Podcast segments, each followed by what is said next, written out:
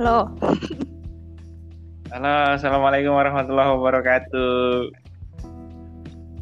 Salam warahmatullahi wabarakatuh. Wah, senang sekali malam ini kita ngobrol sama Anissa Hamida SH. Masya Allah. Tolong lah. Ya, udah udah udah sah, udah sah SH kan. Ya, Oh, iya, iya, siap lah. Jadi eh, sebenarnya mau ngobrolin S2 nih, apalagi kan yang baru tamat gitu kan dan eh, ak- kayak aku ini yang udah berusaha tamat. Jangan langganan sekali, tolong dulu. ya memang ini keadaannya. Di eh, masih bingung sih. Kalau aku pribadi sih memang nggak nggak ngerti tadi udah aku searching gimana sih pendaftaran S2 itu seperti apa. Ada syarat kayak eh, rekomendasi dosen kan. Nah, dari ada IP-nya berapa ada juga TOEFL kalau beberapa universitas. Nggak tahu di USU gimana ya. Kayaknya USU juga ya ini kurang tahu lah. Ya. makanya mau dibahas sama kamu nih. J. cuman ya pengetahuanmu juga lah kalau kalau ada data pen- data pendukung mungkin dari searching boleh lah Mana ada? kan gue tahu aku malas searching-searching. Ini cara ditebak ini. ya udah ya, eh, gimana ya Eh, untuk sebenarnya tadi gini awal awal call lah tadi aku tanya di, di aku nelpon kan dengan bapakku Hmm. bang gimana kuliah bang hmm, ya masih masih ngerti skripsi pak. Pak aku gimana mau lanjut S2 atau gimana dia bilang Hmm. udahlah jangan nggak ada nggak ada uang kita katanya. Ya nggak nggak nggak lama ya langsung ya kan aku putus aja lah. Karena nggak mau terlalu banyak ngobrol. Cuman karena aku tahu sebagaimana kapasitas orang tuaku nggak mungkin juga mereka paham gimana kuliah gitu kan. Ya, jadi bagus aku ngobrol sama yang mungkin punya pemahaman gitu jadi makanya aku undang di podcast kali ini Podcast pertama. ya enggak sih udah banyak sih podcast berapa episode ada empat Wah. ada empat Oh enggak kok tunjuk sama aku. ha? nggak layak untuk kau dengar masih uji coba oh ini dimasukin gimana ya kalau masuk ini gimana ya gitu-gitu doang sih tapi udah udah udah ada udah ada berapa buat ep- Benernya modus kau aja kan. Biar kalau misalnya suatu saat kau butuh lagi dengar kau udah lupa, ada pertinggalmu ya kan. Eh, memang modus-modus kau. Iya, iya, i- itu juga sih sebenarnya. Ya, aku sering ngobrol sama si Aikal Kal. Kalau bisa ini direkam ya Kal. Maksudnya kan kami kan sering ngobrol skripsi gitu kan. Kal, kalau ini mana ya Kal? RK, RKPD-nya nggak ada nih Kal. Datanya masih gitu lah. Ya udah jadikan evaluasi gini-gini. Tapi kalau ngobrol sama dia tuh jadi jadi apa? Bisa jadi nulis soalnya. Bilang, Kal WA WA ini Hmm. kalau bisa ngerekam kurekam ini gue bilang.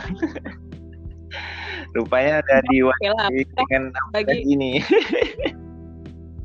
jadi kau sangat-sangat terbantu lah ya dengan podcast kayak gini Ya. untuk urusan apa eh, kenang-kenangan pribadi. Yes. Dasar. Oke lanjut. Oke, kita lanjut ya. Pertama nih, eh, gimana kira-kira eh, untuk eh, cara mendaftar di S2? Nah, beda lagi halnya mungkin kalau kita eh, cuman tadi kan ini S2 kan, yang secara umum lah. Nanti bantu jelasin ya. Terus eh, untuk tadi yang masalahku tadi, yang memang kata bapakku ada uang kita, nah itu juga. Kira-kira ada nggak cara cara beasiswa itu seperti apa juga? Tolong bantu jelasin. Itu aku kasih, aku kasih lah beberapa waktu untuk kau jelasin. Nanti aku tanya-tanya lagi. Eh, kayak mana ya bilangnya? Yang pertama.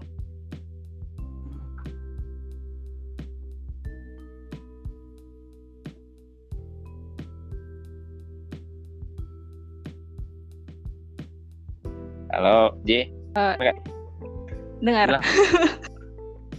Pokoknya intinya aku ini nggak nggak berbasiskan data dan tidak valid. Jadi ini lebih kayak nebak-nebak aja sih pakai logika dan kayaknya sih masuk bakal masuk ke logika untuk memvalidkannya nanti uh, cek ke beasiswanya masing-masing atau cek ke um, cara daftarnya masing-masing karena tiap-tiap beasiswa dan tiap-tiap universitas itu punya standarnya masing-masing punya kondisinya masing-masing tapi ini dasar-dasarnya lah ecek-eceknya jadi kalau S2 itu setauku beasiswanya terpisah uh, maksudnya uh, belum tentu kau dapat beasiswa uh, dan lulus kuliah atau belum tentu lulus kuliah baru dapat beasiswa.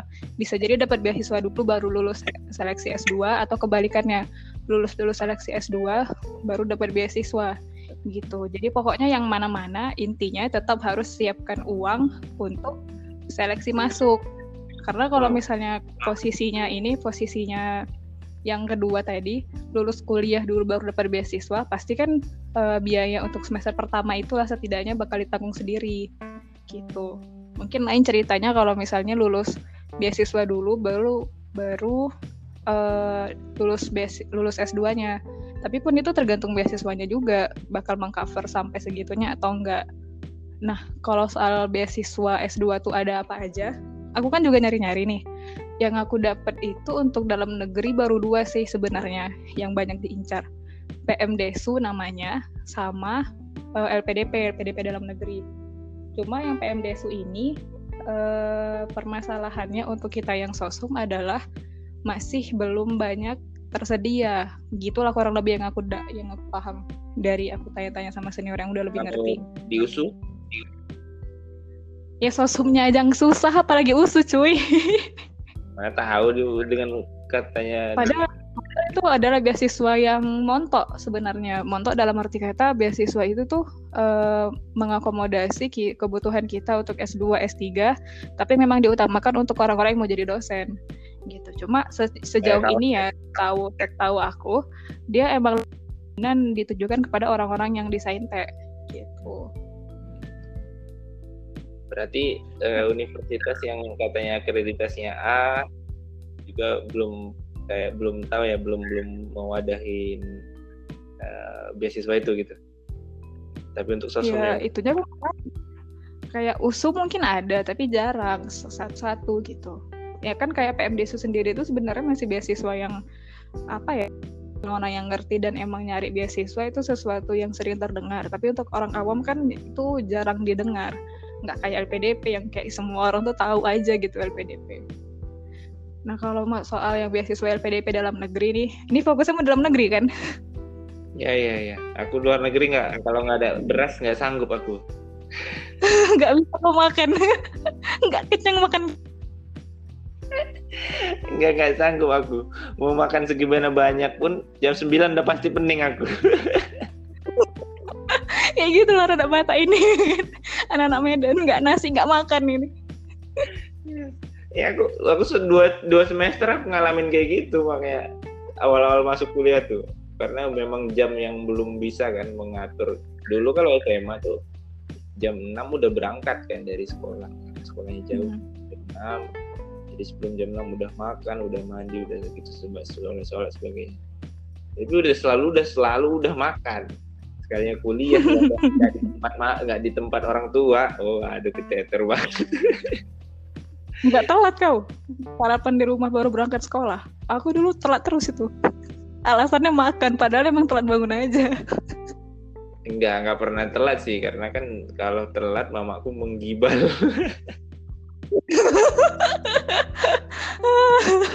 kalau kalau orang tua gue lain lebih bagus anaknya telat sekolah daripada nggak makan sebelum sekolah ini. Enggak, karena uh, gimana ya, mamaku kan cerewet ya jadi kalau jam uh, setengah lima itu belum bangun itu dia merepet sampai jam-jam lima lah paling lama. Kalau udah jam lima itu udah enggak belum bangun. Alarm alarm berjalan ya. Nggak bisa diberhentikan kalau nggak bangun. Nah itu juga dan memang ya karena memang sudah dari SD juga dibangunin kayak gitu karena kan SMP kan aku jauh kan ke Pakur SMA ke Langit jauh-jauh juga gitu. Gitu-gitu sih. Dan masuk kuliah nggak sama orang tua. Ya bangun sih bangun tetap jamnya. Tapi ada jam-jam apanya kayaknya eh, pagi-pagi tuh ada kerjaan nyapuin halaman sekolah gitu. Terus nggak nggak ada yang nyiapin sarapan. Oh udahlah. Oke, gitu alasan utamanya sebenarnya kan. Karena nggak ada yang nyiapin sarapan yang ada masih siapin makan pagi bukan sarapan dan jangan harap untuk itu aku bisa keluar negeri kalau nggak makan nasi gitu aja hmm. nah balik hmm. lagi ke apa ya ke yang tadi yang uh, oke okay, siap PDP tadi biaya, biaya yang uh, biaya kuliah tadi biaya kuliah hmm.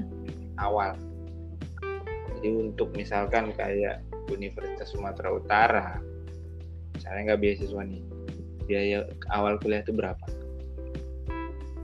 Gak tahu lah, aku, aku belum baca. Belum, belum. Cuma gini, yang LPDP itu, aku kemarin nanya-nanya sama Kak Ika. Uh, Kak Ika ini sekarang dia tuh jadi ketua Mata Garuda LPDP Sumut kalau nggak salah. Mata Garuda itu organisasi untuk para penerima beasiswa LPDP.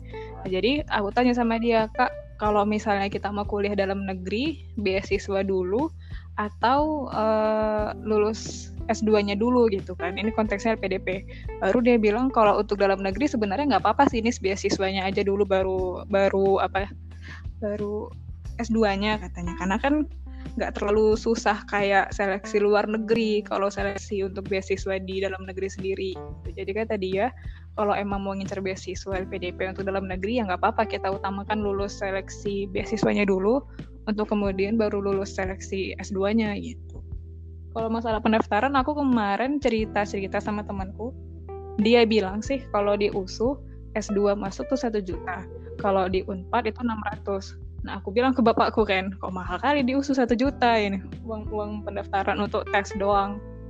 Kok Unpad aja 600 gitu. Baru kata bapakku ya itu itu tergantung rektor yang ngasih keputusan katanya kalau di USU. Jadi setiap tahun berubah. ya nggak tahu lah aku. Kalau berubah kalau nggak berubah ya nggak tahu juga. Terus? Uh... ya itu. Jadi pokoknya masing-masing tuh punya aturannya sendiri-sendiri dan punya mekanismenya sendiri. Kayak UI S2 itu dia pakai uh, cuma ada satu jalur kalau nggak salah ya simak doang gitu. Terus pun S2 itu dia beda-beda. Kayak di USU kan ada dua tuh. Ada magister hukum, ada kenotariatan. Kalau aku nggak salah, kenotariatan itu buka pendaftaran tiap semester. Tapi kalau magister hukum tuh setahun sekali. Jadi emang nggak bisa digeneralisir kayak apa sistem S2 itu. Emang harus lihat uh, sasarannya ke mana, ya sistemnya kayak apa ya memang harus rajin-rajin cari info kalau emang serius mau kuliah lagi gitu. Kali lah yang nggak ku tahu nih Nah, beasiswa itu juga uh, rajin-rajin cari di internet beasiswa S2 gitu. Karena yang kelihatan sih emang yang wah gitunya memang beasiswa beas, beasiswa LPDP itu sih setauku kalau untuk dalam negeri. Tapi sebenarnya kalau kita cari-cari di internet ada aja nya itu lembaga lembaga-lembaga swasta yang mau ngasih uh, beasiswa untuk S2 gitu. Cuma ya karena dia nggak punya nama jadi yang nggak muncul. Cuma ada aja sih harusnya kalau dicari gitu ya oke okay lah nggak nggak sekarang ceritanya nggak beasiswa nih nah, hmm. aku memang nggak banyak banyak nggak nggak tahu ya soal S2 ini ada hmm. kalau di S2 ada UKT hmm. kayak kita di di S1 enggak UKT gitu aku nggak tahu sih ada oh, enggak cuma aku tahunya ada ini sih ada kelas-kelasnya gitu. Uh, kita kan kayak kayak mana ya bilangnya? Kalau kita diusuk kan ada mandiri terus non mandiri itu kan kayak UKT pukul rata gitu kan. Kalau misalnya di S2 aku taunya ada kayak program eksekutif terus program reguler yang gitu-gitu sih. Itu kan pasti udah beda kan karena kelasnya aja beda pasti harganya juga beda. Cuma uh, untuk yang di dalam yang di dalam kelas itu aku nggak tahu apakah ada UKT berjenjang juga atau enggak kau tanya lah sama yang udah di dalam S2 itu aku masih belum No, nah, mungkin di podcast yang lain aku tanya lagi nanti. Uh, materi selanjutnya ya? Atau kau cari sendiri? Kalah. Jadi kalau kalau kisaran uh, budgetnya belum belum tahu ya, gitu ya? Aku aku pernah dengar selentingannya ya di S2 tuh 6 juta katanya satu semester. Tapi aku nggak tahu itu mas itu memang 6 juta atau udah naik atau turun atau kayak mana nggak tahu. Karena aku kan belum serius mau kuliah tahun ini. Aku mau tahun depan kuliahnya. Jadi kayak Emang, jadi kayak itu. emang kuliah kayak gitu? Apa? Maksudnya memang dibolehin ayahmu kayak gitu? Boleh lah, udah aku bilang kok, nih sama kuliahnya tahun depan terus bapakku juga bilang ya karena emang dari awal kan aku di prospeknya di prospeknya jadi dosen nih. Nah dia berkaca pada diri dia sendiri. Ketika dia selesai S1 langsung S2 dan karirnya uh, alhamdulillahnya mulus ada yang bantu dia jadi dosen dia merasa kurang percaya diri ketika dia harus mengajar dan membahas tentang masalah-masalah yang berbau-bau dengan praktek. Karena dia merasa nggak punya pengalaman praktek dan nggak ada nggak nggak nggak apa ya nggak inilah. Apa sih istilahnya? Nggak kompatibel apa sih? Nggak punya kapasitas untuk itu. Nah, jadi dia pengennya aku tuh magang-magang dulu setahun supaya nanti bisa lebih pede lah daripada dia. Padahal sebenarnya dan aku tuh nggak mau mau kali juga magang dan nih oh, okay, gitu. aku maunya belajar aja udah. Yeah. tapi ya udah yeah. kita tengok aja lah nanti ke mana aku berlabuh ya kan ke mana ujungnya eh, sebentar gitu. tinggal sedikit uh, jadi eh enggak aku mau ngasih sedikit uh, kalau aku mencari basis info-info tentang S2 sekarang ini waktu yang tepat karena UI lagi buka pendaftaran USU lagi buka pendaftaran jadi pasti kan bakal terpampang jelas gitu loh dan belum tenggelam informasi-informasinya soal biaya-biaya atau kelas-kelas dan cara masuknya gitu hmm. kalau misalnya kau nyarinya berapa bulan lagi tuh mungkin udah tenggelam informasi penerimaan murid barunya itu sama informasi-informasi lain. Oh. Apa tadi mau nanya pak? Sedikit aja tadi agak melebar. Tadi kan Pak Eka bilang ke hmm. PD sampai hari ini kalau hari ini dia ngajar kuliah masih uh, ngerasa nggak pede atau kayak mana? Karena bapak itu kadang cenderung diem gitu awak pun jadi deg-degan juga deket. Dia sampai sekarang lah ada masih maksudnya kan udah berapa berapa puluh berapa puluh tahun sih dia ngajar? Ada puluhan? Belum sampai lah dua puluh. Eh nggak tahu deh. Dia tahun berapa ya? 98 atau 99 gitu lah. Seumuran aku lah. 20 tahun juga ya. Udah lama juga. Puluhan. Jadi nah, selama puluhan tahun pasti ada perubahan lah ya pasti. Nggak mungkin kayak dulu bertahan kayak dulu dia kaku kayak yang dia bilang tadi lah ya. Oke lah uh, tadi. Oh itu nggak dijawab? Ah udah aku jawab sendiri sih. Kalau mau aku jawab jawab deh. Apa sih kau? Ya, aku udah udah narik ya dua puluh tahun ya mikir udah lagi saja. Masa nggak? Hmm? masa nggak nggak ber nggak apa gitu udah nggak nggak ada perubahan kan? 20 tahun. Nggak tahu sih aku nggak pernah nanya-nanya kayak gitu juga Cuma kalau aku bilang sih alasan orang diem itu banyak. Salah satunya bisa jadi dia sedang merangkai kata-kata di dalam otaknya untuk menyampaikan penjelasan yang ada di otaknya itu dengan lebih rinci dan jelas gitu loh. Itu tuh udah kayak karakter dosen aja sih sebenarnya. Banyak-banyak pikiran di otaknya. Uh, dia berusaha supaya tidak ada loncatan pemikiran gitu. Jadi ya lagi ditata gitu kata-katanya. Nggak melulu diem itu soal grogi, takut gitu. Iya. Walaupun kemungkinannya ada juga tetap. Bener juga sih. Tapi kata apa kan? Kayak kau kan ngobrol kan langsung lompat gitu kan. Untuk membatasi itu kayak juga sama baik kayaknya harus. eh, hmm. Sebenarnya kalau aku dipikir-pikir sih sama sih aku pun kayak kau kan. Maksudnya masih untuk melanjut kuliah lagi. Karena bosen juga belajar. Tapi maksudnya gini uh, uh, kenapa aku tadi nanyakan itu sih? Karena tadi ketemu guru di SMP kan. Hmm? halo halo dan jaringanmu hilang. Iya ini tadi I Isa ini udah Isa nih mau dila mau dilanjut tuh di selesai ini? Nih ya terserah sih. Kau yang sholat aku lagi enggak. Ya udah uh, tadi uh, bukan cuma di beasiswa aja sih yang mau aku tanya. Karena aku pun hmm. berpikiran sama sih kayak kau. Uh, oke okay lah jangan dulu langsung ke kampus kayak mana? Satu kan. Uh, hmm. Karena kan aku berpikir juga untuk eh kerja dulu deh atau nyari pengalaman gimana deh gitu kan. Sama sih seperti yang aku pikirin tadi cuman pertimbangannya lebih banyak.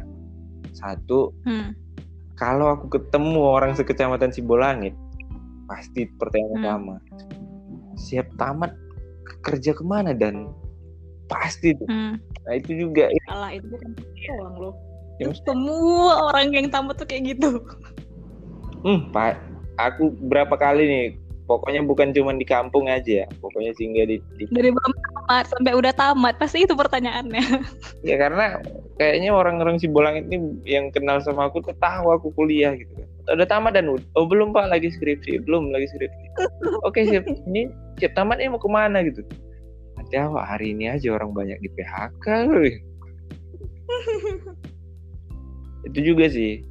Jadi satu pertimbangannya itu kenapa? Oke okay lah ngeles lah sedikit dengan PS2 menyikapi pertanyaan kayak gitu kan dan? Kadang-kadang itu menjadi kayak beban. Tapi di satu sisi coba coba lihat itu dari perspektif lain. Bisa jadi itu tuh bentuk uh, ekspektasi mereka yang tinggi ke kau jadi beban juga sih. Tapi maksudnya kayak gimana ya? Mereka tuh berharap sesuatu dari kau gitu loh. Makanya mereka nanya-nanya kayak gitu. Positif thinkingnya gitu ya. Biar biar nggak tertekan kali kalau tanya-tanya kayak gitu gimana gak tertekan? Aku aja bingung jawab. Pakai iya, jawaban template aja. Pas ngeles cari kenapa kerjaan nih. Oh, kalau aku jadi aku bilang aku bilang kayak aku mau S2 di PDP UI doain ya. Kan ujungnya jadi kayak amin amin amin. Nggak nggak dilanjut lagi dan pertanyaan yang kalau jawabnya kayak gitu. Nanti ya. Itu trik trik menjawab kan siap kuliah mau ngapain ini? Karena ya karena di situasi kondisi sekarang kan kayaknya nggak mungkin kan sih. Maksudnya apalagi banyak juga orang yang di PHK kan. Dan situasi ekonomi kita juga lagi nggak stabil. Ya kayaknya susah. Ini kan ya, ya bagi aku yang belum pernah nyari kerja atau ngelamar kerja sih kayaknya mungkin susah. Yang di di kepalaku tapi menurutmu kayak mana? Kamu tahu jawaban klasiknya? Jawaban klasik yang ala-ala pelarian gitu tapi sebenarnya benar. Adalah dengan menyerahkannya pada tangan Tuhan. Ya ini kan kayak rezeki itu udah ada yang ngatur. Kita tuh di dunia tinggal kayak gimana cara gimana caranya meraihnya doang kan. Pasti nggak akan tertukar rezeki itu. apa ya segala macamnya. Cuma kan kadang-kadang emang kita punya otak buat berpikir, punya nalar, punya logika, punya perasaan, punya kekhawatiran. Jadi kadang-kadang tuh uh, hal-hal yang berbau keyakinan, spiritualitas kepada Tuhan itu kadang-kadang sering kali terabaikan. Tapi ya kayak gitu tak dapat kan intinya apa? Eh, gitu lah pokoknya nggak mau kamu jelaskan ya yang jadi kayak trauma ya. Ya nggak ada masalah sih. Bukan ya bukan pokoknya kayak gitu lah kadang-kadang itu ada, ada kayak hal yang uh, dipikir pakai otak nggak jalan tapi dijala tapi dilalui dengan keyakinan ya selesai aja gitu loh. Aku tuh tercerahkannya waktu lagi jadi presidium di organisasi.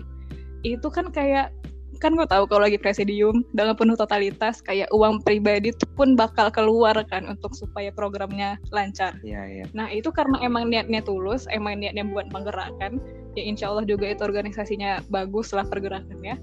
Itu tuh uang rasanya tuh kayak cukup aja gitu loh. Kayak kalau dihitung-hitung itu sebulan untuk organisasi bisa keluar kayak 200 gitu misalnya ya sekali keluar 200. Tapi kayak uh, kebutuhanku tuh terpenuhi aja gitu loh. Entah dari mana uangnya aku aku pun nggak ngitung tapi kayak pokoknya yeah. terasa cukup gitu loh terasa berkah. Nah ketika presidiumnya selesai uh, main logika aku kan hitung-hitungan mm ini kayak ih sumber pendapatannya sama sumber pengeluarannya berkurang. Uang gue nih pasti bakal lebih banyak nih yang bisa dibeli yang bisa dibelanjain. Dan ternyata tidak terasa cukup dan abis itu kayak wih kualat aku nih gak bisa kayak gini sedekah lah ini biar berasa cukup rezekinya. Kayak gitu juga berlaku uh, teorinya dengan cari kerja. Ya lurus-luruskan hati bersih-bersihkan niat ya gitulah. Nanti ada sendirinya itu jalannya. Kayak mana ini? Entah kau ketemu siapa baru diajak ngapain gitu. Coba aku mau ngasih nasehat sih. Wah janganlah. Reminder kepada teman. Kalau lagi proses merintis betul-betul baru lulus nggak usah banyak-banyak milih apa aja yang datang itu disikat aja ini. Kan kadang-kadang kayak ah nggak mau ah kerja di situ kejauhan gak ada duitnya ini itu apa segala macam jangan kayak gitu sih mikirnya kalau untuk masih proses merintis di awal. Proses merintis itu emang sangat panjang dan tidak bisa dipercepat nggak bisa dijadikan instan. Jadi emang nggak boleh milih-milih. Karena aku dengar ceritanya Pak Mahmul. Dia cerita lah tentang kayak mana dia dulu uh, dua tahun apa ke mana gitu ya. Magang di tempat yang jauh naik angkot cuma ada uang transport sama makan siang. Pokoknya ya gitulah yang segala macam. Tapi dia nggak ngeluh. Dia fighting dia berjuang karena dia tahu di bidang hukum ini yang harus diutamakan adalah kegigihan dan perjuangannya itu ketekunan untuk mau belajar. Jadi dia magang di sana dua tahun uh, dia mengerjakan lebih dari apa yang disuruh dikerjakan sama bos-bosnya lah gitu lah intinya kurang lebih. Dia belajar dia serap semua waktunya dia investasikan uh, kekurangan finansialnya dalam tanda kutip pada saat itu. Dia investasikan waktunya otaknya dia memanfaatkan semuanya pada waktu itu untuk kemudian uh, dia petik hasilnya kemudian. Nah dari dia magang-magang di situ uh, karena orang lihat kemampuannya orang orang sadar akan kecerdasannya akhirnya dia diajak sama orang-orang uh, Prof Ningrum kayak di Ihsan untuk bikin uh, kantor hukum sendiri gitu lah kalau nggak salah kantor konsultan gitu. Nah dari situ dia mulai beralih dari internasional ke ekonomi. Kadang dipegangnya hari-hari ya kontra ekonomi gitu segala macam. Itu itu di situlah dia eh, ketika dia beralih ke hukum ekonomi itulah baru dia mulai mulai kaya. Kan kau tahu lah kalau udah urusannya ekonomi kan kayak perusahaan yang apa segala macam. Komisinya kan mantap cuy gitu gitulah ya kan. Iya iya. Tapi habis itu uh, dia tahu di hati kecilnya itu dia mau jadi dosen dia dia udah apa ya apa apa sih kemarin itu istilahnya dia pokoknya gitulah dia udah dia dia pengen jadi dosen dan dia tuh udah mulai bertanya-tanya dan mungkin minta juga ke Tuhan kayak kapan dia bakal jadi dosen kapan ya kapan ya itu segala macam. Dan dan dan kesempatan dia datang untuk dah. Dan kesempatannya untuk jadi dosen itu datang di kondisi dia udah mapan secara finansial. Wah itu kan dilematis kan uh, mau mengikuti hati kecil atau dengan resiko menanggalkan kemapanan ekonomi ya CPNS berapa sih gajinya atau mengikuti atau ya mengabaikan hati kecil dan menikmati kemapanan Oh iya. Nah, itu tadi itu tadi. Dibalikkannya lagi ke ininya ke ke agamanya ke agama sih menurutku. Kayak keta, ketahu dirian dia sebagai hamba. Kayak dia udah minta mau jadi dosen dia udah dikasih kesempatan. Kalau nggak diambil nggak tahu diri kali gitu loh mungkin kan kasarnya gitu. Ya udah beralih lah dia jadi dosen merintis lagi dia dari awal. Tapi sekarang kok tengok lah kayak apa cuy nggak berhenti rezekinya ya. Yeah. banyak terus ini. Makanya kayak gini. proses merintis pokoknya itulah dan proses merintis tidak bisa dipercepat. Jadi selaginya merintis ya bagus-bagus lah. Bikin fondasi biar di ke atasnya nanti itu makin tinggi makin kokoh makin cakep ya. Oke itu kan karena bisa dibilang pola pikirnya itu hadir karena memang ya dari kemampuannya berpikir juga dari pendidikannya juga mungkin agak lebih lah kan terkadang juga kayak orang tua eh kan mungkin dirimu apalah kalau kau kan uh, dengan Pak Eka atau ibumu yang yang memang punya pendidikan kan nah kadang hmm. kayak kayak nemuin gini nih perhatikan dari bahasanya bapakku berapa kali kita ngobrol itu masalah Ganta kan udah tamat nih kemarin kan baru hmm. Adik apa kerja bilang hmm. dia service lift uh, hmm. oh bukan yang manjat-manjat tiang listrik ya gitu saat itu gitu uh, karena kan dia teknik listrik kan maksudnya dia kira tuh hmm. main yang di lapangan gitu kan hmm.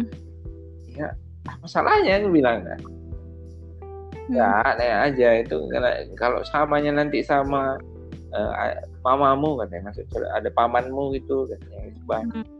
dia pun nggaknya sampai kuliah ya dia, dia ngomong tuh gitu kan. Dia nggak kuliah ya cuman dia juga yang ngurusin listrik di apa ini gitu lah.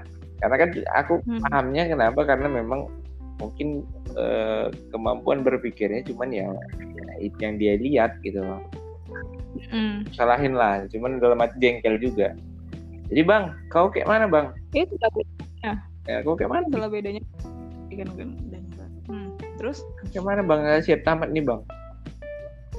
Ya aku bilang aku nggak tahu aku mau tamat seperti apa.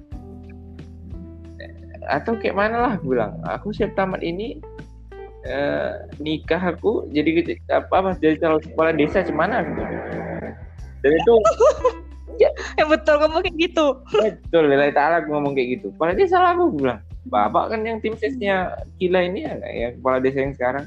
Aku bilang aku hmm. di Kecamatan Sibolangit aku anak muda yang punya sampai berapa berapa camat udah tiga, tiga kali ganti camat hari ini dia memuji gimana kinerjaku dalam membangun perhamburan Sibolangit kecamatan Sibolangit kuat lah ya. Aku kalau bisa bapak majukan aku di kepala desa menang ini gimana lagi aku juga juga belajar politik ya aku pak. Dan itu nggak aku ragukan kemampuan politikmu. Iya aku gua akui tapi aku nggak akan mau di dalamnya sih sebenarnya. Cuman itu uh, satu dia langsung nggak senang. Kenapa? Karena menurut dia pendidikan uh, di apalagi mungkin di, di di kami kan karena keluarga besar kebanyakan mungkin di kedokteran semua. Iya hmm. dan cuman aku yang di di sosial sosial. Hmm. semua dari keluarga besar tuh saintek semua. Orang matematika dan sebagainya itulah nah uh, jadi menurut dia kepala desa aja udah satu hal yang hina tuh iya kadang aku kesel loh ngadepin kayak gitu karena masalahnya sekarang bukan itu aku bilang. Eh, masalahnya satu di mana lagi cari lapangan kerja? Mau mau aku aku administrasi negara kayak, jadi staff lah di di satu salah satu dinas hari ini. Potong kupingku kalau nggak sekretaris eh, apa yang kenal sama staff itu mana mau dia nerimanya kalau nggak kenal ya karena tahu juga kemarin ada beberapa yang kayak teman-teman senior yang staff juga. Karena sek sekde sekretaris dinasnya gitu gitulah nah itu memang tahu lah. Kalau yang kayak mana ya? Relasi memang berpengaruh tapi nggak satu-satunya sih kalau menurutku nah, gue tetap berdiri sendiri di kaki sendiri. Ya maksudnya itu untuk untuk meng apa? Ya, cuma iya men, ya, ada ada pengaruhnya memang. Pikiran dia gitu loh mm -mm. nah jadi nah itu juga yang jadi kadang nah kalau aku nanti ini tamat ini aku nggak ngapa-ngapain nih sampai setahun. Kayak mana ya? Untuk ngadek nanggepin orang tua kali ini karang tuanya yang pandangannya tuh kayak kalau dibilang sempit aku bilang ku akuin cuman nggak mungkin lah jadi durhaka kalah aku ya kan. Nah, untuk mengub kayak ini gimana lah eh, menghadapin pemikiran dia yang seperti itu. Dia dia pasti berpikirnya kalau orang awam anak hukum S sarjana hukum pasti jaksa pengacara hakim. Cuman tahu pasti pemikiran next itu padahal kan masih banyak kan ke hmm. tempat yang ke mana gitu kan. Hmm. nah cuman mungkin di kepalanya pasti standarnya ketiga tiga profesi itu. Atau notaris deh notaris satu lagi nah yang kesulitanku di situ kadang eh, pemikiran mereka tuh kayak oh dana sekolah nih dengan gini sebagainya udah sarjana hukum. Oh nanti kerjaannya kalau aku kerjanya yang menurut yang biasa-biasa kayaknya mereka nggak seneng gitu. Gimana ada beberapa. menurutmu kalau apa ya bantu menjelaskan pemikiran yang kayak yang gue bilang tadi ya apa aja diambil. Bilang hari ini aku apa aja diambil. Jadi TU pun ku ambil hari ini kok. Hmm. mana-mana yang menghasilkan aja lah mana-mana yang kesempatannya datang. Nah masalahnya mereka nggak paham dengan apa yang yang kau pikirkan. Eh, gimana kira-kira cara menjelaskan sama sama mereka deh? Hmm ada ada beberapa cara sih yang terpikirkan di otakku ya. Yang pertama, kau berusaha menjelaskan dengan kata-kata, berusaha memahamkan ke bapakmu tentang bagaimana kondisinya hari ini. Kalaupun kalau kau rasa sulit, kalau kau pun malas menjelaskan, ya udah ya udah kau buktikan dengan kata-kata. Eh dengan bukan dengan perbuatan maksudku. Ditunjukkan aja uh, apa yang kau mau apa yang menurutmu bisa dan menghasilkan. Kasih lihat langsung apa hasilnya gitu. Bilang sama bapakmu sabar ya nanti aku buktikan boleh gitu lah sosok-sok keren gitu aja lah sok-sok yakin aja. Atau yang cara lainnya lagi adalah uh, untuk tiga atau empat profesi yang menurut dia itu adalah wah dari sarjana hukum kau kumpulkan fakta-fakta dan data-data yang meng yang mengatakan sebaliknya. Tentang uh, pengacara sekarang udah ada berapa banyak terus penghasilannya berapa oh iya aku ya, kebusukannya gitu. Itu sebenarnya jahat sih sebenarnya kalau untuk orang tua kayak gitu. Jadi itu sarana paling terakhir aja lah. Kalau misalnya kau udah nggak tahan kali baru itu itu dipakai. Ya tapi aku pernah sih pakai yang bilang bilang ini pengacara hmm. kira pengacara tuh gampang ini kita kuliah nih gitu sebagainya gitu gitu ini. Nanti di kantor pengacara ada kantor pengacara cuma dua orang nggak ada pembantunya sama sekali. Dan itu aku kenal orangnya kalaupun aku masuk kayaknya nggak laku di dalam gitu.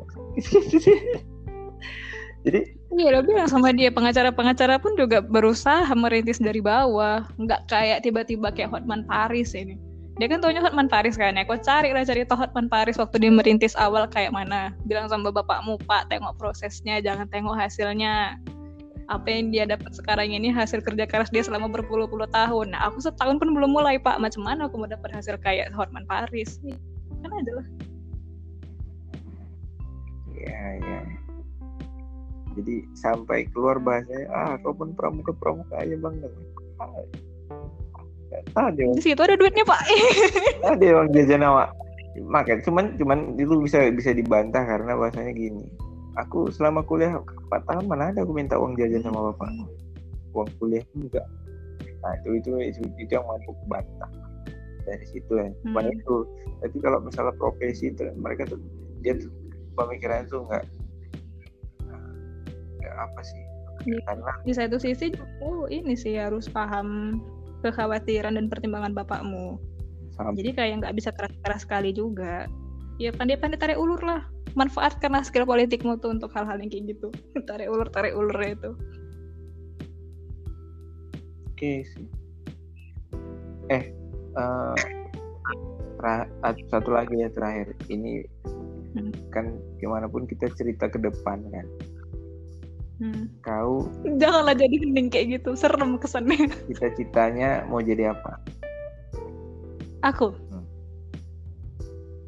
Dari hati yang paling dalam aku mau jadi ibu rumah tangga sumpah.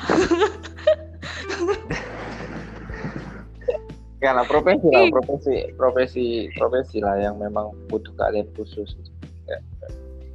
Nggak tahu lah ya karena karena kan aku tuh inilah pengaruh pendidikan dan keluarga tadi ya lingkungan. Aku tuh tumbuh besar di lingkungan keluarga yang santai gitu loh. Kayak mamaku dulu kerja tapi habis itu berhenti jadi ibu rumah tangga ngurus kami. Terus bapakku juga kayak jadi dosen ya kalau lihat lah jadi dosen ya dosen aja kan. Nggak yang aktif kesari apa segala macam gitu enggak cuma kayak uh, selama penghasilannya itu cukup untuk kehidupan sehari-hari ya udah nggak usah minta lebih.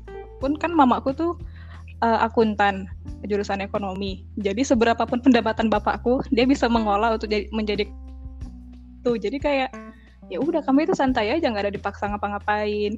Mau punya skill apa mau ngapain mau ngapain ya terserah aja sih sebenarnya. Gitu. Jadi aku pengennya santai juga kayak jadi ibu rumah tangga main-main sama anak main-main sama bocah gitu kan asik ya. Beresin rumahnya nanti lah kita pakai ART aja. Tapi tapi santai tapi santai gitu tenang. Pengen aku masih pengen explore. Dulu tuh waktu kecil sempat aku pengen jadi penyiar radio biar pernah biar tahu jadi uh, jadi apa ya jadi pembawa acara biar bisa ngobrol sama banyak orang talk show talk show gitu sama orang-orang keren tuh pernah juga pengen jadi guru pernah, karena aku suka berbagi suka ngajar itu pernah juga pernah terus sekarang Apa? Di radio pernah? Ya nggak pernah, aku cuma ngebayangin aja. Mana ada lingkup situ. oh, terus? Sebenarnya bisa, sebenarnya bisa. Aku pernah pernah ngelakuin sih itu. Sama kayak Hmm. Jadi di kegiatan di kendaraan pramuka Hmm. nih. Jadi sound system tuh aku yang megang nih sampai dua jam. Kamu eh, karena mungkin aku yang ketuanya, aku suka hati pula. Ya, dasar. Dan iya se- sebenarnya susah loh kalau kalau mungkin susahnya kenapa karena kayak ada yang request gitu kan kayak aku perlu berapa beberapa handphone untuk memutar lagu untuk apa tapi asik serius gitu gitu. Iya makanya. Udah lama salah aku ceritakan. Nggak pernah aku kayak gitu. Iri aku nanti ini. Terus apa ya akhirnya sih sekarang ya setelah perjalananku merenung- merenung-renungkan mau jadi apa cita-citanya kayak apa gimana ke depannya. Akhirnya aku balik lagi kayak tadi sih yang aku- yang aku bilang aku serahkan pada Tuhan. Aku pasrah aja bakal jadi kayak mana. Aku pernah bilang ini sih sharing-sharing ke Kasmal waktu dia nanya juga akan kayak apa aku bilang sama si Kasmal bahwa aku akan mengikuti arus apa pun kesempatan yang ada di sekitarku. Ke kayak apa ya kalau misalnya emang lagi nggak ada apa-apa ya udah aku tenang-tenang aja diam-diam aja. Nonton drakor bahar leye-leye ya biasa-biasa aja menikmati menikmati fase-fase tanpa kan sama sekali. Karena kan aku juga nggak punya ini ya nggak punya apa ya nggak punya paksaan nggak punya motivasi eksternal nggak punya daya paksa untuk harus melakukan sesuatu yang menghasilkan uang. Orang tua aku masih sanggup menanggung aku kalaupun aku masih lele aja selama kurang lebih enam bulan lah.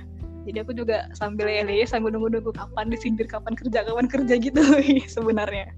Nah cuma aku bilang sama si Kasmal ketika ada arus yang datang ke aku ada kesempatan yang datang nih aku akan ambil dan akan lakukan apa pun yang terbaik eh, ketika arusnya datang. Karena aku tahu sebagaimana arusnya datang tiba-tiba dan nggak diduga dia juga akan pergi tiba-tiba tanpa diduga ya kayak inilah kayak selama perjalanan aku dari skripsi sampai wisuda sekarang ini. Aku skripsi bulan 2, sel- bimbingan bulan 3, bulan 4, bulan 5 sidang, bulan 6 wisuda. Itu dari bulan 3 sampai bulan 6 tuh aku udah ngedrakor terus. Ngedrakor terus maraton sampai aku bosan, aku muak, akhirnya aku berhenti berpikir. Apa yang bisa aku kerjakan? Apa yang bisa aku lakukan sekarang? Apa yang bisa bikin produktif gitulah. Yang aku melakukannya tidak menderita tapi juga ada hasilnya ada nilainya gitu terus itulah aku aku mikir mau nulis blog untuk berbagi untuk mengisi kegiatan biar produktif yang tidak aku sangka adalah ternyata kemudian aku didorong oleh teman-teman termasuk kau juga Oke. untuk mulai bikin podcast untuk bikin YouTube untuk bikin IG itu jangan untuk IG terus di eh, itu kayak kayak apa stop dulu. Kalau yang itu jangan diceritain, ceritain di podcastmu nanti. Ya enggak, enggak apa-apa. Ini kan sedikit aja, nanti beda lagi. Terus kayak nggak tahu ya kayak semesta bekerja aja gitu di saat yang sama juga kayak eh Febri ngajak live IG, Junat ngajak live IG itu kan jadi bikin aku mikir kayak apa memang sekarang lagi fasenya aku harus fokus di digital ya gitu. Motivasiku pertama cuma buat sharing dan ternyata bisa jadi personal branding. Jadi aku ya totalitaskan sekalian lah kan kan kau tahu kayak mana aku mau konsepnya dengan matang nggak dikerjain asal-asalan dan gimana totalitasnya aku eh, visioner atau mungkin terlalu apalah sampai aku tuh saking seriusnya, saking sungguh-sungguh totalitasnya, aku bisa melihat buku akan datang dari dari eh, dari apa? Dari hal-hal yang aku lakukan sekarang, ngeblog dan mungkin akan nan- nanti bikin podcast juga. Nah, dan aku nggak berhenti di situ. Ke seka ini sebenarnya menyiksa sih. Di saat mau tidur di situ ide datang dan itu betul-betul nggak bisa bikin tidur tadi malam banget nih aku udah mau tidur tapi karena baru diajarin ke podcast jadi aku nggak bisa berhenti berpikir mengembangkan ide. Ya, terus eh, nampalah aku buku tentang buku tentang ini buku tentang apa? Buku tentang ini cerita cerita cerita sharing sharing ini udah udah dapat lagi dapatlah aku judulnya kayak mana mau aku set itunya. Pokoknya setotalitas itulah sesungguh sungguh itu. Dan aku tiba-tiba dapat ide lagi untuk bikin buku bareng Febri tahu kau? Buku untuk isinya panduan lomba ala-ala gitulah karena kan itu kayak ya ampun Iya, kok iya, jadi iya, sampai iya, iya. blog doang loh awalnya mengisi kegabutan. Tapi itu tadi karena aku udah mulai melakukan sesuatu tiba-tiba semesta mendukung ya udah sekalian totalitaskan aja. Karena belum tentu kan dua tahun ke depan akan akan begini lagi vibesnya tuh belum tentu. Gitu. nah nanti ketika ini fasenya akan selesai ya udah gue lele lagi santai-santai lagi. Nanti kan paling tiba-tiba bapakku juru magang di mana. Ya udah gue magang di tempat itu uh, ya serius lah maksimal uh, setidaknya sampai tidak ada penyesalan di dalam diri aku setelah melakukan hal itu bisa ya udah selesai magang. Nanti mungkin disuruh S2 ya gue S2 S2 kuliah lagi bagus-bagus lulus dengan hasil memuaskan kenalan sama orang-orang di situ bikin relasi lagi ini. Ketika udah selesai ya udah lele lagi santai-santai lagi ini. Tiba-tiba disuruh jadi dosen ya udah gue jadi dosen jadi orang baik yang mengajar. Kayak gitu jadi emang karena aku orangnya santai dan gak ngoyo jadi aku ya udah kalau kalau nggak ada arus tenang kalau misalnya lagi ada arus kalian totalitas gitu aja sih aku akhirnya sekarang tapi kau nggak nggak pernah terpikir kalau aku sih lebih ke uh, aku tuh kalau pribadi ya aku tuh selalu punya hmm. ancang-ancang gitu. kalau hmm. teater tuh ibaratnya dua lang eh, tiga langkah ke depan tuh aku, ya, aku harus pikirin gitu nggak nggak hmm. kayak gitu ya? Aku bikin ancang-ancang tapi nggak terlaksana. Jadi aku kayak menyerah bikin ancang-ancang ya udahlah kita jalani aja apa yang ada. Itu balik ke karakter orangnya masing-masing sih. Uh, yang kau lakukan nggak salah yang aku lakukan juga nggak salah. Cuma yang kau lakukan itu nggak bekerja di sistemku dan apa yang aku lakukan di diriku nggak bekerja di sistemmu. Jadi sebenarnya ya nggak apa-apa sih itu memperkaya aja jadi obrolan ini pun sebenarnya karena aku punya pemikiran ke depannya. Itu juga oh itu ada pengaruhnya sama gigih juga sih. Kan kau orangnya fighting. Mungkin keadaan lingkunganmu kehidupanmu memaksamu untuk jadi orang yang gigih orang yang berjuang orang yang nggak bisa nggak bisa asal-asalan gitu loh. Nggak bisa asal kayak mana ya? Pokoknya gitu loh harus terencana gitu loh. Karena konsekuensinya akan banyak. Sementara aku kan tumbuh besarnya di, di keluarga yang santai. Jadi kayak nggak harus nggak harus apa ya nggak harus serius-serius banget juga. Nggak nggak gigih gitu loh intinya aku tuh sebenarnya. Makanya kalau dikatain ambis aku sering ketawa aja. Dari mana ambisnya gitu orang aku nggak gigih ini. Gue lah aku gini ya sebelum waktu aku kenal kau itu mulai kau rame lomba dan sebagainya.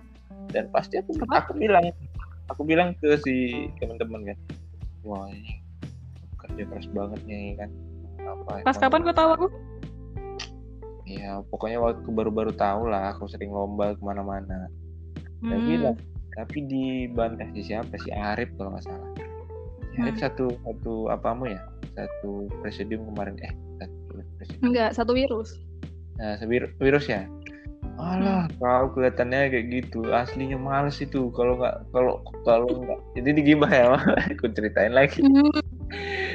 Aslinya males tuh. Kalau ada pun tugas di situ mau deadline di situ diketin kalau pelombang itu pasti tuh. Udah mau deket waktu baru itu benar. Iya iya ya aku mungkin bagi orang yang baru baru lihat pasti orang berpikir berpikir sama. Kau punya ambisi dan sebagainya. Ya seperti yang kau bilang tadi.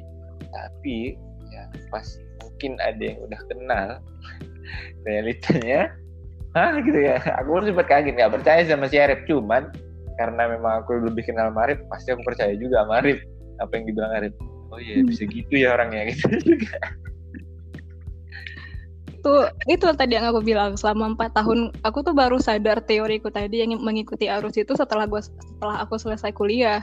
Tapi ternyata itu udah, udah aku terapkan selama kuliah. Yang orang-orang nggak -orang tahu dan uh, selama semester 1 sampai semester 3 itu aku tuh sering ikut lomba RKTI uh, eh, dari mulai bikin abstrak nggak lulus. Bikin abstrak lulus tapi ke full papernya nggak selesai. Bikin abstrak yakin lulus tapi ternyata nggak terkirim emailnya. Itu udah pernah lah dan selalu kandas di tengah jalan. Itu itulah menunjukkan betapa nggak gigihnya dan betapa nggak ambisnya aku sebenarnya.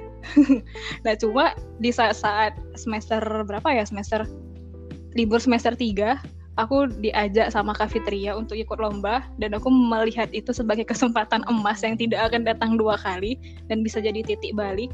Di situ aku menyadari bahwasanya oh arusku datang aku harus totalitas betul-betul memanfaatkan kesempatan ini. Gitu ya aku memanfaatkan arus yang ada totalitas dan ya udah lomba selanjutnya lomba selanjutnya lomba selanjutnya gitu juga. Kalau nggak ada lomba kalau nggak ada kepentingan tim gitu kan aku ya kayak kata Arif suka-suka aja. Tugas tuh ya kayak cuma asal jadi apa segala macam ujian belajar nggak belajar kalau dapet C plus ya udah B plus ya udah. Ah bagus ini. Emang biasa-biasa aja. Cuma sekalinya ada kesempatan ya totalitas di situ. Dan hasilnya ya itu setiap aku pergi lomba tuh ada ada yang dibawa gitu loh. Belum pernah lah aku pergi presentasi ke kota mana keluar biaya waktu air mata pas segala macam pulangnya tangan kosong itu yang aku syukuri sekaligus kutakuti sebenarnya. Oke. Tapi ya juga sih apa yang kau bilang mungkin biar beda apa ya, apa tadi membahasnya beda lingkungan. Lingkungan tapi kalau lingkunganku sih nggak juga sih si Dante itu sama kayak kamu. Ya udah berarti beda karakter lah. Emang kok anaknya bagus saja lagi gini. Ya enggak sih. Aku kalau kayak kemarin nih si Danta masang uh, tenaga apa pembangkit listrik tenaga surya itu. Apa sih namanya? Hmm. Itu untuk di SD di tempat kami di kampung. Karena sekolahnya hmm. tidak punya listrik. Sekarang udah punya listrik hmm. gara-gara TA-nya si Dan nah dia aku bagi aku kalau dalam ngapa-ngapain itu ada survei ada planning yang memang oh hmm. nanti kalau mau ini dan itu udah biasa lah selama aku berkegiatan kan. Aku cek tempatnya hmm. nanti aku pikirin kira-kira di tempat ini buat apa gitu gitu kan. Lombanya sesuai apa ini dipakai untuk apa. Dan itu selalu bekerjanya itu selalu seperti itu. Di mungkin banyak hal lah. Kira-kira apa yang mau kerjakan aku udah udah cek dulu udah prepare dulu udah aku bayangin dulu udah aku pikirin dulu. Mungkin pun malam sebelum eksekusi aku masih mikir sampai mungkin nggak kayak kau kau bilang kayak kau juga nggak tidur gitu kan. Bikin ini bikin ini dan itu selalu gitu. Kalau si Danta malah enggak dan itu, dia bawa barang di situ dia baru tengok di situ baru tempatnya. Aku kan belum datang kan dan itu hmm. nggak terpasang sampai siang. Ngamuk lah aku betul. Nah nggak kau iya, ngamuk. Ya aku ngamuk lah. Karena dia dia tiba-tiba aku mau aku lagi santai-santai aku pikir dia udah udah ber, udah berpikir ini udah nengok tempatnya udah gimana dipasang. Ini belum sama sekali. Dia masih ngerakit alatnya itu dulu. Udah hmm. siang ditelepon. Bang tolong bantu ya bang. Uh, apa, megangin tangga aja bang katanya.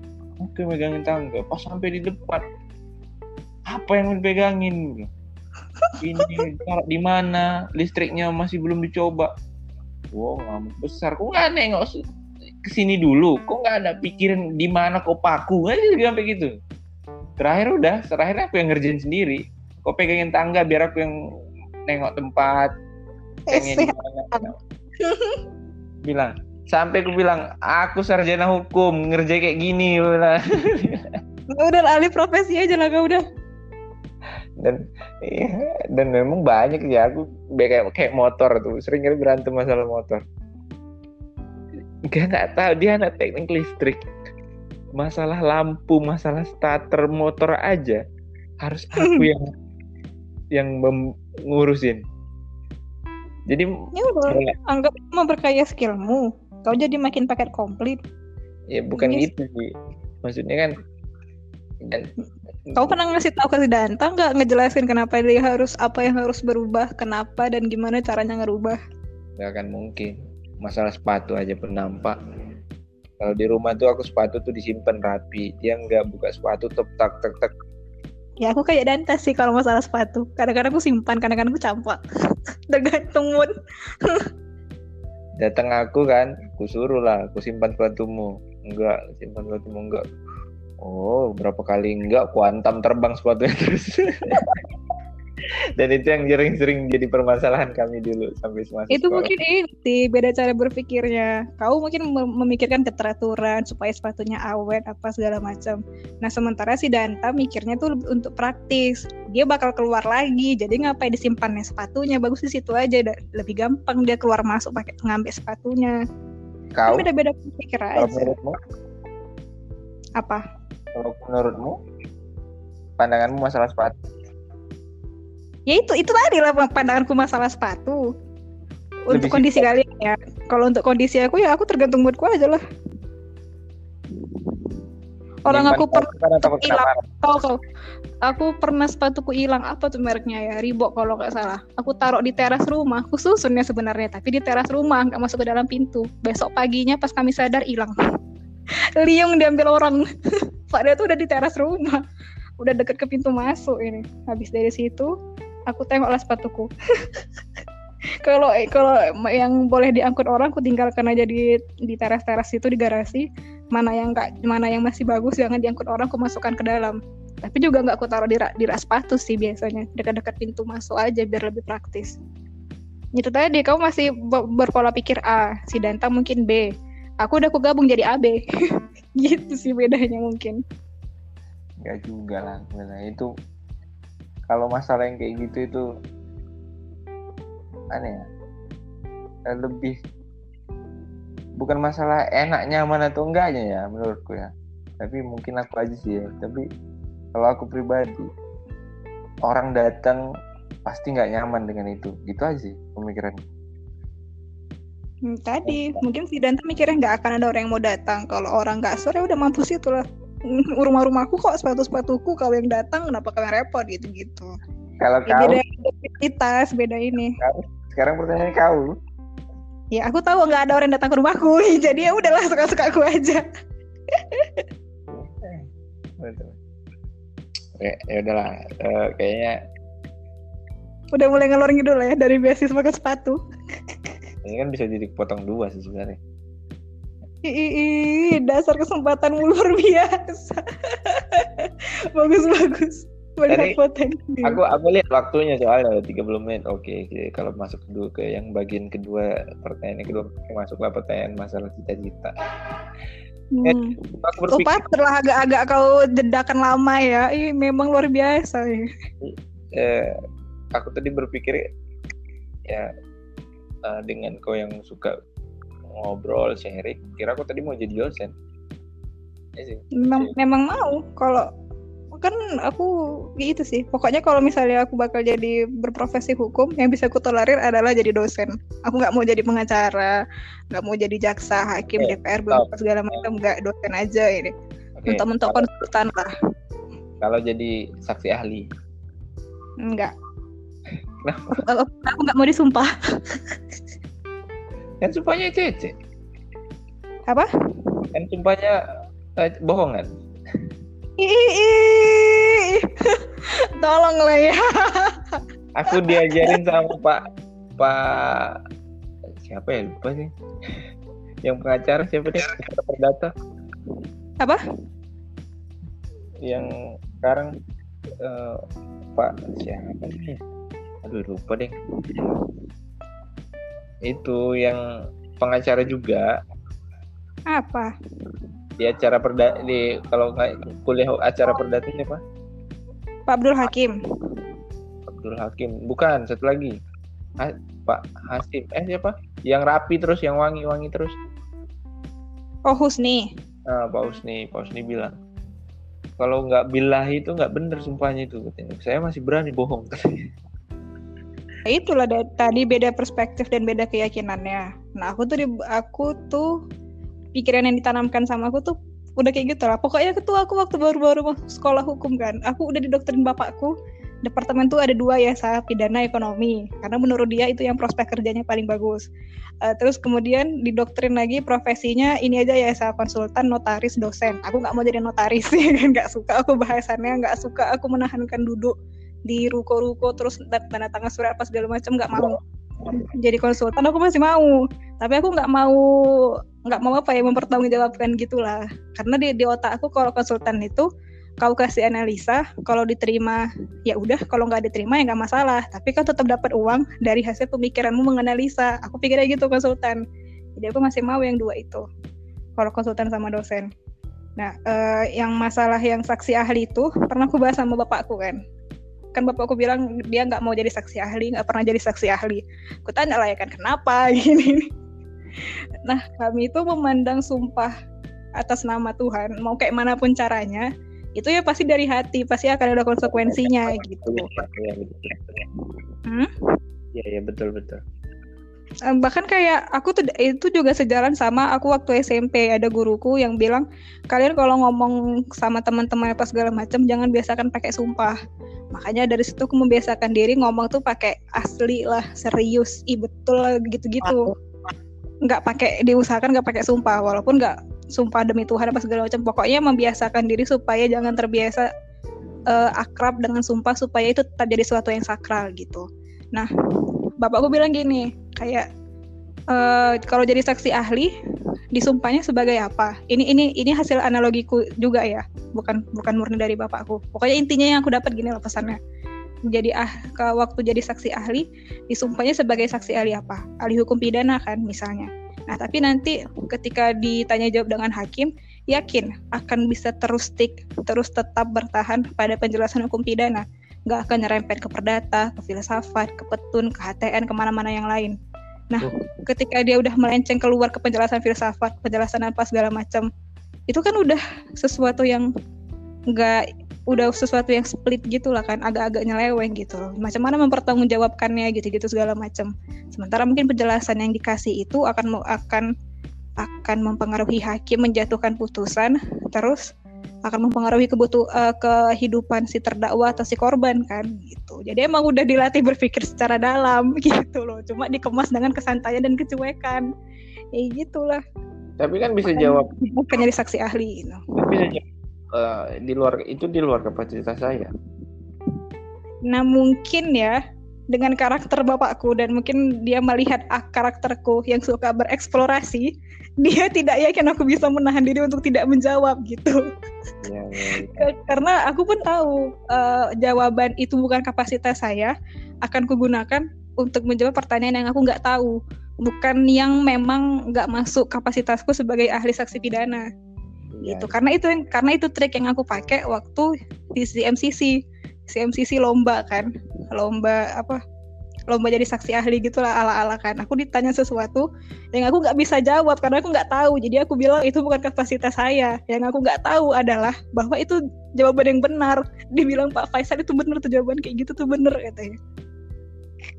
Aku ketawa-ketawa aja sebenarnya dalam hati kalau ingat-ingat itu. Jadi tetap nggak mau ya saksi ahli ya Kal itu kan tadi pembuat takut berpengaruh di si terdakwa eh si tersangka. Sekarang kalau saksi ahli untuk bela si tersangka. Nggak mau pokoknya aku tak ikut-ikut. Aku aku paling kayak kalau misalnya ada orang yang datang sama aku misalnya orang yang jadi korban kejahatan sesuatu aku bakal aku bakal ngasih ya kau gini lah uh, bakal ngasih uh, pertimbangan-pertimbangan pandangan-pandanganku gitu. Tapi aku tidak mau membawanya ke pengadilan nggak mau dibawa sumpah gitu. Aku mau jadi sesuatu uh, uh, buat aku ya pandanganku.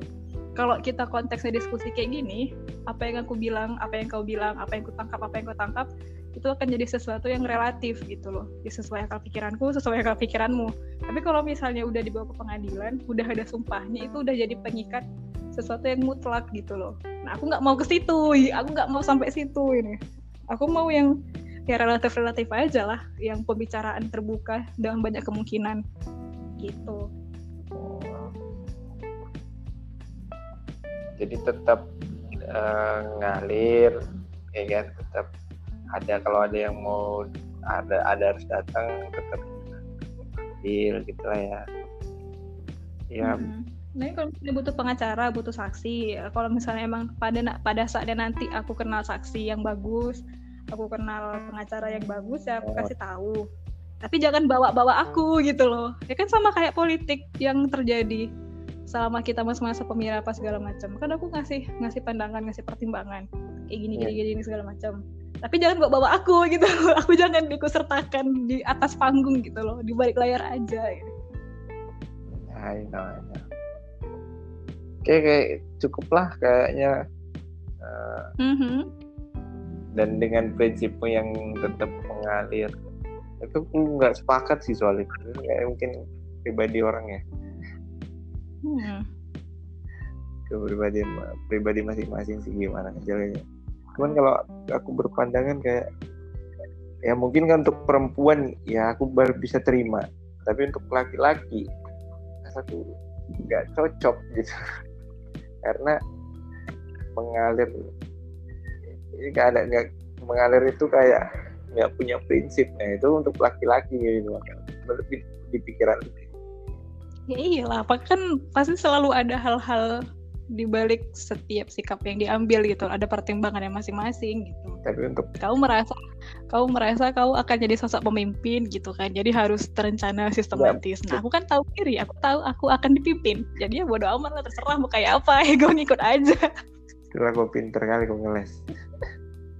Jelas lah. Aku udah aku udah jago ngeles dari awal. Masuk lagi sih jurusannya hukum. Terjun lagi di politik. Udah lah makin jago lah aku ngeles apa nggak takut kau kalau aku yang jago ngeles ini jadi pembela hukum ini? Nah nah nah banyak poinnya. Makanya. Iya kalau jarum kompasku selalu bagus kan. Bisa aku membedakan mana yang benar mana yang salah. Kalau tiba-tiba aku liung belok cemana ya kan? Kan gawat kali. Udahlah. Udahlah kita aman-aman aja. Kita cari aman aja. Nggak mungkin aman J. Betul nih. Seorang bintang Emon aja Iya. Kamu tidak bisa selalu aman, Emon, kata Ernest. Dua minggu kemudian, cap. Betul kan? Apa bahasanya? Bahasanya keluar lupa. Oh, e, bercandaan diseriusin, apa? Sama hukum dibecandain. Tapi untuk orang hukum, aku. mungkin orang hukum bisa mengelak ya mungkin kalau kalau orang yang nggak orang hukum mungkin bisa terjerat gitu itu Gak tahu lah, itulah pokoknya. Aduh nggak tahu lah aku nana, janganlah buat aku pusing malam-malam. Nggak sih ini bahasa-bahasa ini yang dilempar sama sama banyak uh, sering kalau ngobrol sama ketua kan. Kalau orang hukum kayaknya bisa nggak terjerat gitu ya gitu. Kalau orang-orang kayak kami ini terjerat dengan masalah gitu. Nah itu aku nggak sukanya. Aku pun kadang-kadang nggak suka juga nengok retorika orang-orang hukum untuk kayak kau tahu yang sebenarnya yang terjadi itu salah. Kenapa masih kau bela gitu? Kau tahu yang sebenarnya kayak gini-gini tapi kenapa masih kayak gitu ini? Makanya aku menjauhi politik. Melihat, memantau, menganalisa interaksinya aku suka. Tapi kalau uh, apa ya terjun langsung nyemplung di situ, oh tidak, terima kasih. Aku melihat okay. saja. Oke, okay, ini, uh, aku tadi tadi terakhir-terakhir aja deh, tiga menit deh, tiga menit nih. Misalkan misalkan nih uh, kau eh kau kan belum PNS kan di antara Apa? di antara partai di antara banyak partai hari ini mungkin partai-partai hmm. karena dari Golkar PDIP PKS hmm. atau mungkin mau dimasukkan Gelora pun jadilah hmm. okay. di antara beberapa partai itu kalau disuruh milih hmm. hari ini kau pilih siapa? Aku ngikutin imamku sih. Dan saat ini kan imamku bapakku. Ya aku tanya bapakku siapa yang dicoblos pak? Ya udah. Ya ada aduh. Ada kalanya kan aku kan baru nyoblos sekali nih. Enggak enggak enggak gitu. Aku kan baru nyoblos sekali nih aku pakai sistem itu dulu awalnya siapa yang mau dicoblos kemarin, nih gitu kemarin deh kemarin kemarin kemarin yang kemarin. Iya pada waktu itu aku itu cuma me memastikan aku memilih presidennya siapa gitu. Nah masalah DPR-nya memilih siapa apa segala macam itu terserah gitu. Oh, jadi karena, di, karena diberikan, diberikan ya. kepercayaan okay. untuk memilih sendiri. Nah gitu. ini untuk memilih sendiri pas nih jadinya. Jadi pas waktu kau dikasih kesempatan untuk memilih sendiri, kau pilih yang mana? Konteksnya apa nih? Ya pemilihan yang kemarin. Oh, waktu yang sebut-sebut aja nih, buka-bukaan aja nih. Ngapain juga? Nggak ditutup-tutupin orang. Udah selesai kok pemilunya ya kan? terus, terus mau waktu dua menit lagi nih. Ya, pokoknya karena lingkunganku juga sih. Aku kan SD-nya Islam SMP-nya Islam SMA-nya Islam. Nah. jadi kayak partai yang aku tahu tuh dulu ya dari dulu tuh cuma partai PKS gitu loh. Jadi aku Oke, dulu pernah ada partai Islam tadi Eh, aku pilih itu. Ta- ya, karena Manakala, tema itu manakala pilkada pilkada ke depan PKS nawar hmm, kau untuk bergabung. Mau nggak? ya enggak lah. Yakin? Enggak lah. Aku itu kan pasti akan tergoda kan. Tapi pokoknya aku tuh membiasakan diri uh, untuk punya prinsip-prinsip utama yang dasar.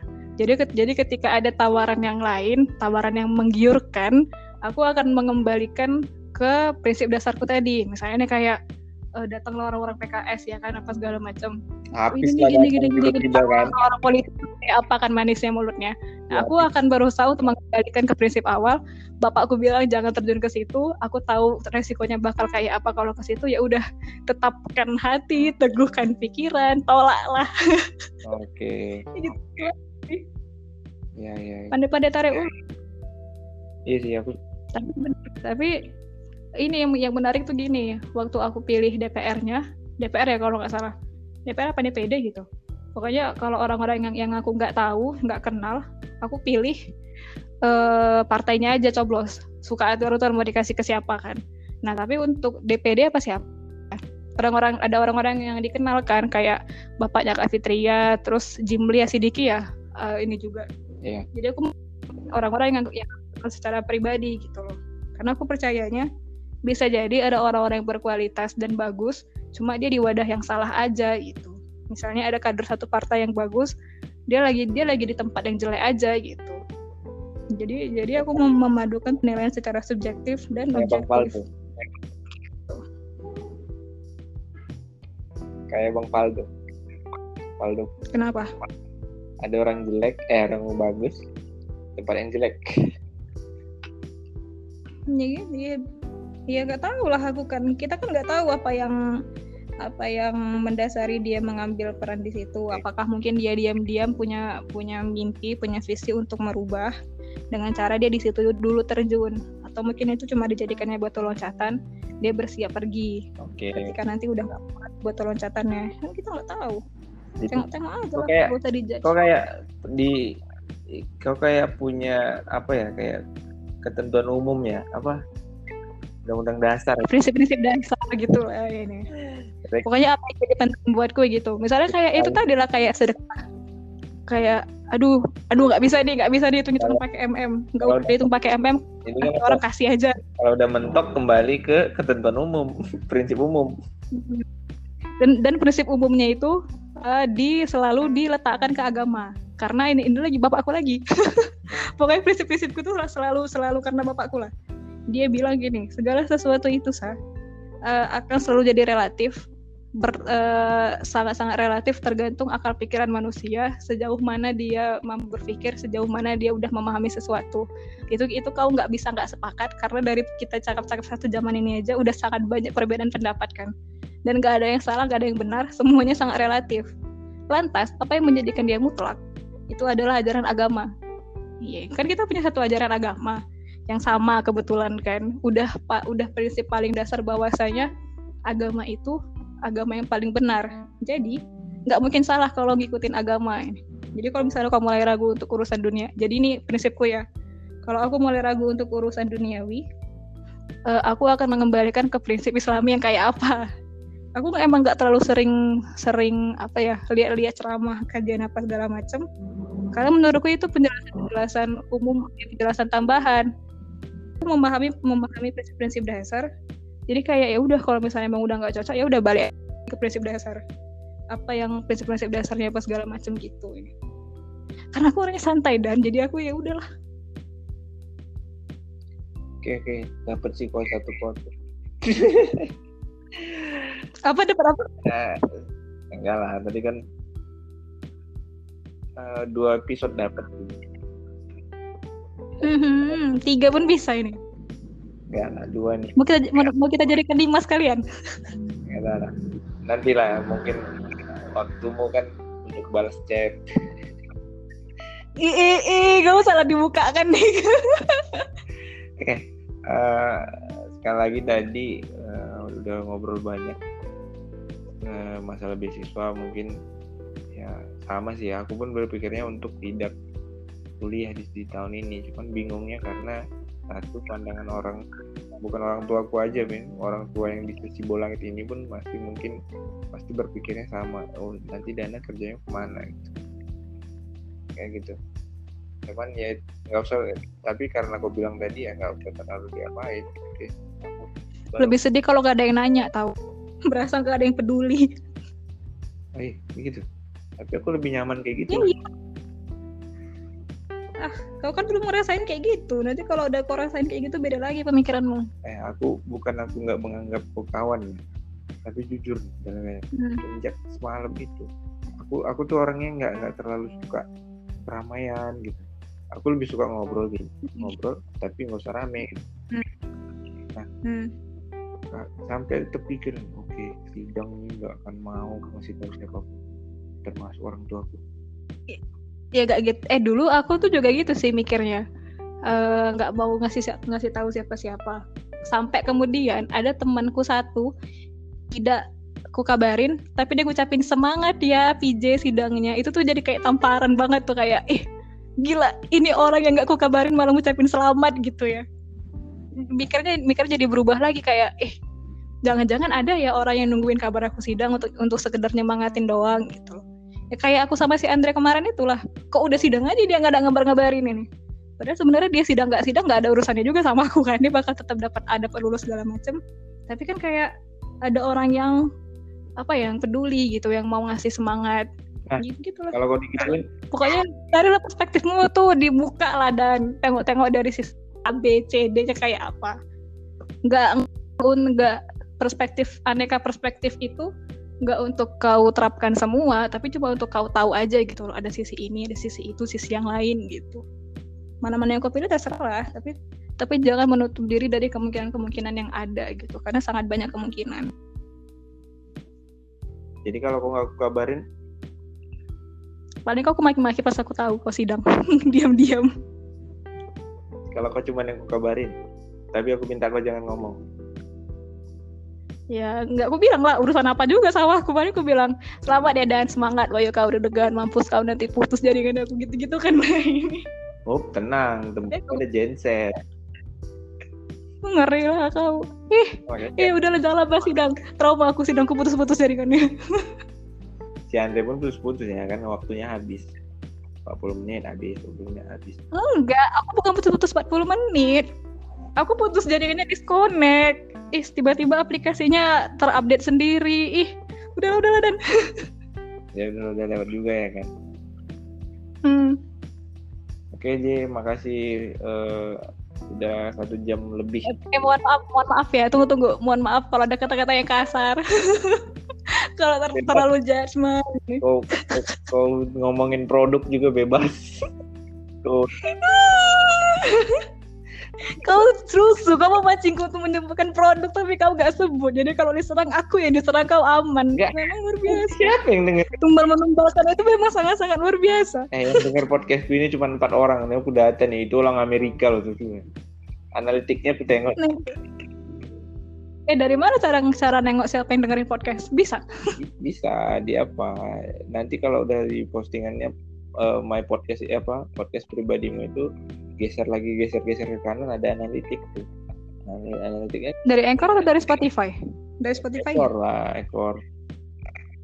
Hmm. ada. Dari Anchor itu di, di mana aplikasi platform yang mana yang dipakai dengerin semua di ada datanya kok. Umur berapa pendengar. Oh yang yang analitik yang analitiknya itu ya? Iya iya. Di situ. Hmm. itu Amerika. Orang Indonesia itu enggak itu pun kurasa karena kepencet kali ya enggak juga lah. Kamu masih judulnya apa rupanya? Bahasa Inggris? Kok bisa penyamu yang ditekan ya, itu aku nggak ngerti. Padahal masih Indonesia loh mbak tulisannya Indonesia. Aplikasi hmm. mungkin mungkin aplikasinya yang bukan pakai Spotify mereka pakai yang oh jadi kayak explore gitu ya? Jadi kayak ada sesuatu yang baru nih lihat dia gitu. Gitu mungkin sih.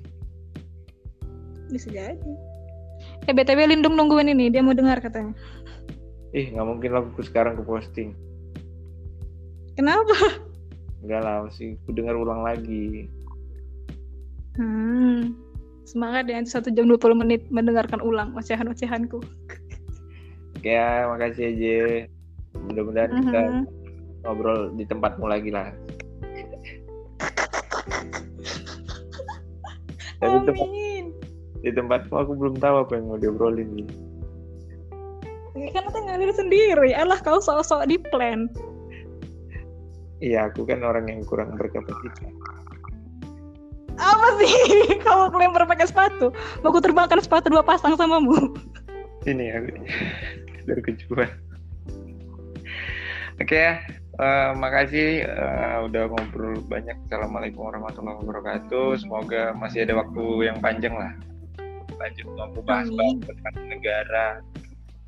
Widih, jangan lebar topiknya. Nggak mau aku. Nggak sanggup aku.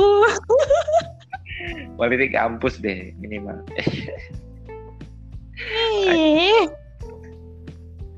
Ya karena butuh banget suara-suara orang berprestasi hari ini untuk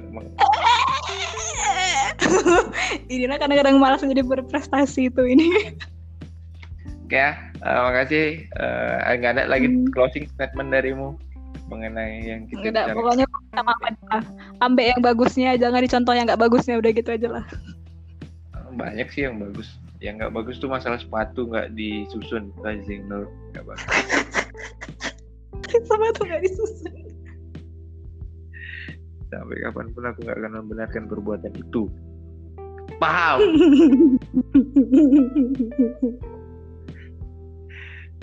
oke Eh, sekali lagi terakhir assalamualaikum warahmatullahi wabarakatuh Waalaikumsalam.